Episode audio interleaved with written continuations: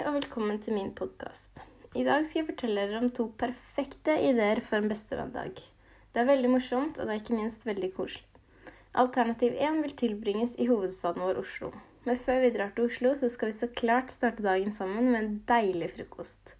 Til frokost er det fint å lage noe godt og mettende for en lang dag i hovedstaden. Frokosten vil starte rundt klokken ni, og når klokken er elleve, så setter vi kursen mot Oslo. Eh, for oss som bor på Følner, så kan det være veldig lurt å ta tog. Det er det som er kjappest, og det er også billigst. Tog, en togbillett til Oslo koster 86 kroner. Dette er også mye mer miljøvennlig enn å f.eks. kjøre bil. Eh, Oslo er som nevnt Norges hovedstad. Oslo er det minste fylket vi har i Norge, men det er også vår mest folkerike by, med over én million innbyggere. Byen het før Kristiania, frem til den i 1925 byttet navn til Oslo. Når vi ankommer Oslo S, så kan vi ta turen til Operahuset. Men før den tid så må vi så klart ta på oss munnbind, sprite hendene og holde avstand til alle vi ser. Å besøke Operahuset er helt gratis eh, hvis man går, og det er en utrolig vakker utsikt derfra. Operahuset i Oslo ble laget i 2003, men det var ikke ferdig før i 2008. Siden den tid så har bygningen faktisk mottatt mange priser, og den er også fredet av Riksantikvaren. Eh, fra Operahuset så skal vi hoppe på en buss som går til Holmenkollen. Prisen for denne reisen er 38 kroner. Videre skal vi gå til Holmenkollbakken, og her skal vi rett og slett kjøre zipline ned hele Holmenkollbakken. Dette er en zipline på 361 meter og er på det høyeste 107,5 meter over bakken. Takket være dette så får du sett en uslåelig utsikt av Oslo by. Dette koster 740, men det er helt klart verdt det. Når vi er ferdig med zipline og pulsen har roet seg litt, så skal vi ta buss tilbake til Oslo. Dette koster naturligvis også 38 kroner. I Oslo har vi bestilt bord på en restaurant på Aker Brygge som heter Olivia. På denne restauranten kan, kan du bestille ting som pizza, lasagne, salat og suppe. Hva du vil bestille, er selvsagt helt opp til deg, men prisen på maten ligger på rundt 200-300 kroner.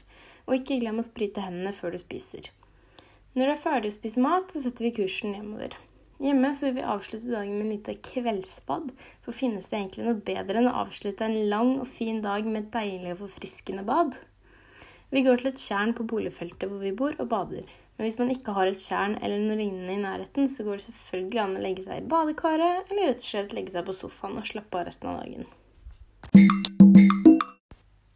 Alternativ to er en natt i skogen. Her kan man enten ta med telt eller hengekøye for å sove i. Man kan enten låne telt eller hengekøye av familiemedlemmer.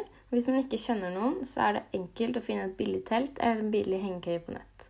På Coop Ops f.eks. har de et fint telt med plass til to personer til kun 499 kroner. Ellers har de også hengekøyer, som også finnes på Ops til kun 299 kroner. Vi starter dagen med å pakke klær og lignende. Siden skogsturen vil skje i mai, så er det en grei temperatur på natten, som betyr at vi ikke trenger sånn altfor mye klær. Tar du med ett sett med superundertøy og noen koseklær, så kommer du ganske langt.